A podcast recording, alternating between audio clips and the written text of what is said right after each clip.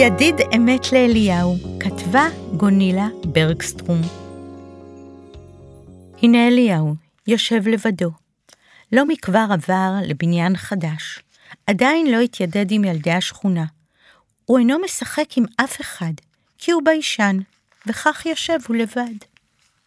אז מזל שניסים בא לבקרו. ניסים הוא החבר הנסתר של אליהו. הוא מופיע תמיד כשאליהו מרגיש בודד ועצוב. אליהו בטוח שניסים הוא החבר הכי טוב בעולם. לעולם אינו מציק או כועס, או מתעקש שהוא יחליט. לא, הוא תמיד עושה בדיוק מה שאליהו רוצה. למשל, כשהם משחקים ברכבת, הוא מסכים בלי בעיות שאליהו יהיה הנהג והוא יהיה סתם נוסע, ולא אכפת לו בכלל, כי ניסים הוא ידיד נסתר. לפעמים, כשאליהו שוטף כלים, קורה שצלחת נופלת ארצה וטראח נשברת, ואז אליהו מכריז, זה לא אני, זה ניסים. ולא אכפת לניסים, כי הוא ידיד נסתר. ניסים הוא חזק. לפעמים הוא הופך לענק אמיץ כוח המסוגל להרביץ לכל הבנים הגדולים הטיפשים, או אפילו לחלץ שלושה מהם בבת אחת מבית בוער. אין מה לדבר, ניסים הוא החבר הכי טוב בעולם. יש לו רק חיסרון אחד. החיסרון של ניסים הוא שלעולם אינו מופיע כשזקוקים לו באמת.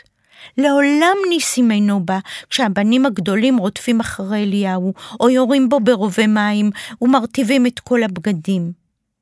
דווקא אז ניסים אינו מופיע, הוא חוזר רק אחרי שאחרים כבר הסתלקו. חבל מאוד. אבל מלבד חיסרון זה, ניסים הוא החבר הטוב ביותר שאליהו מכיר. אולם יום אחד, ניסים נעלם לגמרי. זה קרה בדרך הביתה, בעוד אליהו מטפס במדרגות בביתו החדש, נשמע לפתע רעש מחריש אוזניים, קול של בכי עז מהדהד בחדר המדרגות.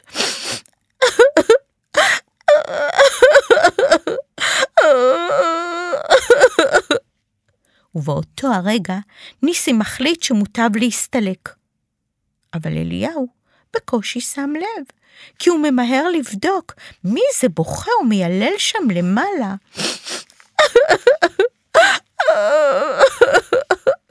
והוא מוצא ילד. מכנסיו קרועים, ויש לו פצע עם קצת דם.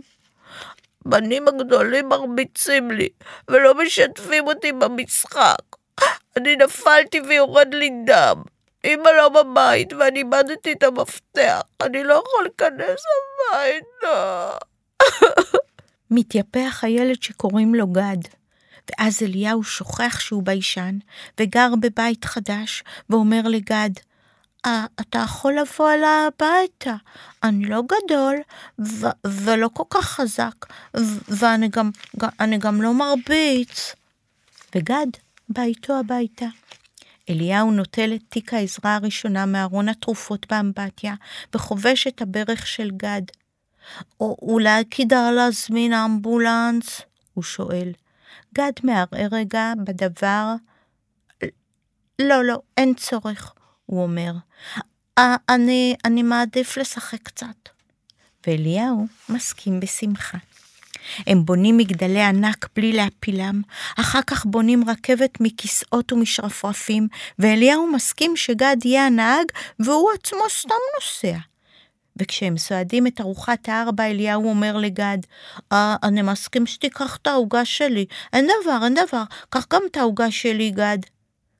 וכשגד צריך לחזור הביתה, הם קובעים לשחק יחד גם מחר. שלום, גד. שלום, אליהו. להתראות. הם נפרדים. מאז אותו יום אליהו וגד מבלים תמיד יחד ונעשים חברים טובים, הכי טובים. זה נהדר. נהדר לשחק עם החבר הכי טוב שלך. אה, אבל לא תמיד. לפעמים זה דווקא מציק נורא כי הם כבר לא תמיד כל כך טובים. למשל, הם בונים מגדלי ענק והורסים זה לזה, והם רבים על מי שיהיה הנהג, או מי שיקבל את העוגה הכי גדולה. ככה זה בין חברים. גד מסוגל גם להתעקש, הוא לא מוכן להסכים תמיד למה שאליהו אומר. ויש ימים שהם מתקוטטים בלי הרף, ובכל זאת הם החברים הכי טובים. איך זה ייתכן? זה ייתכן, מפני שגד מופיע תמיד כשאליהו זקוק לידיד אמת. למשל, אם איזה בן גדול ולא מוכר מתקרב ומביט במבט מאיים, מיד חברו הטוב גד חש לעזרתו, ואליהו נושם לרווחה. זה נעים לדעת שיש לך ידיד אמת. באמת, זה נעים לדעת שיש לך ידיד אמת. את ניסים אליהו שכח כבר מזמן, אבל לניסים לא אכפת, הוא פשוט נעלם, ומאז לא נודעו עקבותיו. מן הסתם, הוא נמצא אצל ילד אחר, ילד בודד ועצוב, הזקוק לחבר נסתר.